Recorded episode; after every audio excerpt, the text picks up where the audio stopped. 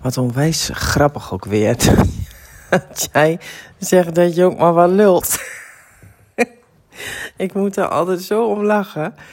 Ja, weet je, ehm, volgens mij lul jij helemaal niet. Maar ben je gewoon een hele mooie soort van uh, samenvatting aan het geven van datgene wat er in het boek uh, uh, inspirerend voor jou is. En ik vind het onwijs interessant om naar te luisteren. En ik kijk steeds meer uit naar het naar de vervolg, zeg maar. Dus met andere woorden, dat ik het zelf kan lezen. En uh, ik wacht met opzet. Dus ik ga, weet je, waarschijnlijk koop ik dat boek zelf op een gegeven moment. Maar ik wacht met opzet, omdat ik het zo leuk vind om uh, ja, dit ook gewoon in zo'n braindump weer even te horen. En de relatie met human design die je legt en hoe je daar um, ja, ook jouw strategie, je autoriteit in benoemt. Ja, daar word ik dan ook wel weer heel blij van, weet je. Want ik denk ook dat het zo is. Ik denk dat alles er al is. Alleen dat wij. Uh, ja, doordat we zo um, niet bewust zijn, uh, dat ook gewoon niet kunnen zien. En um, nou, weet je, feitelijk is dat ook helemaal niet zo erg. Um, maar ja, het is wel mooi om te horen dat het er gewoon is, weet je. En dat is dan wel interessant om daar, uh, precies wat jij zegt, om er gewoon lekker onderzoek naar te doen. Of uh, om daar vragen over te stellen aan jezelf en die dan gewoon in een braindump te zetten. dat is, uh, daar is die braindump zo geweldig voor. En toen ik hem luisterde, kwam ik net terug uit de sauna. Ik heb net ik heb even een avondje. Um, de meiden zijn bij een vriendinnetje aan het slapen. En ik had een avondje helemaal voor mezelf. Ik ben mijn eentje naar de sauna gegaan. Um, omdat ik ook gewoon echt geen zin had om met wie dan ook te praten. En dat is mij ook gewoon gelukt.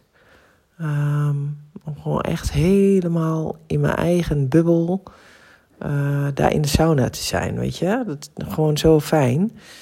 Um, maar um, ik had wel weer zo'n geval, weet je, zo'n man die dan uh, heel hard ademt. Als je dan, dan lig je daar heel relaxed in die sauna, gewoon lekker uh, de warmte over je lijf te voelen. En uh, ik keer dan gewoon helemaal naar binnen, weet je. Dan ben ik, het is gewoon echt mediteren dan. En dan ligt daar naast je zo'n man die dan... En dan begint hij op een gegeven moment te snurken, weet je wel. Die, die slaapt in de sauna. Ja, dat kan gewoon in mijn ogen niet. dat kan gewoon niet. ik, en dan, en dan, dan irriteert mij dat. Ik denk, nou, weet je...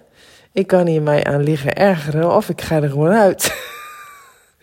En ik heb dat dus in respons ook gedaan. Ik heb gewoon mijn lichaam gevoeld. Zo van, dit voelt niet fijn, ik ga eruit. Dus ik ging naar de volgende sauna. En ik lag daar lekker. En guess what? Ja hoor. Komt die vent er weer aan. Ik werd helemaal gek van. Dus ja, waar, waar je ook bent, uh, overal om je heen, waar mensen zijn, uh, word je hoe dan ook geconditioneerd. En of je dat nou wil of niet. En de kunst is om daarin, tenminste zo heb ik het in ieder geval gedaan vanavond, is om daar zo min mogelijk, uh, ja, zeg maar, ergernis en frustratie op te voelen. En dat kan alleen als je, ja, als je, als je gewoon lekker probeert om daar ja, gewoon met jezelf te zijn. En als, als het niet meer fijn voelt, dat je dan gewoon vertrekt. Dat je gewoon je voeten volgt, zoals mijn kinderen altijd zo mooi kunnen zeggen. Volg, we volgen onze voeten vandaag, mama. Nou, dat vind ik eigenlijk wel altijd een heel goed plan. Uh, dus dat heb ik ook gedaan. En um, ja, het is altijd even zo'n beetje... Mijn kinderen zeiden ook, mam, ga je naar de sauna? Nou, uh, jij liever dan ik. Daar wil ik echt nooit naartoe, hoor. Er zijn allemaal naakte mensen, weet je. ja, dat is zo. Ik weet nog de eerste keer dat ik naar de sauna ging. Toen ik, dat was echt voor het eerst. Dan ben ik met mijn moeder gegaan. En ik vond het ook echt wel heel awkward. een beetje zo van uh, dat je dan zo ongemakkelijk voelt, weet je wel, als je daar in je naki staat. Dus uh, ik snap het wel van mijn kinderen. Ik, ik moest ook wel echt een bruggetje over.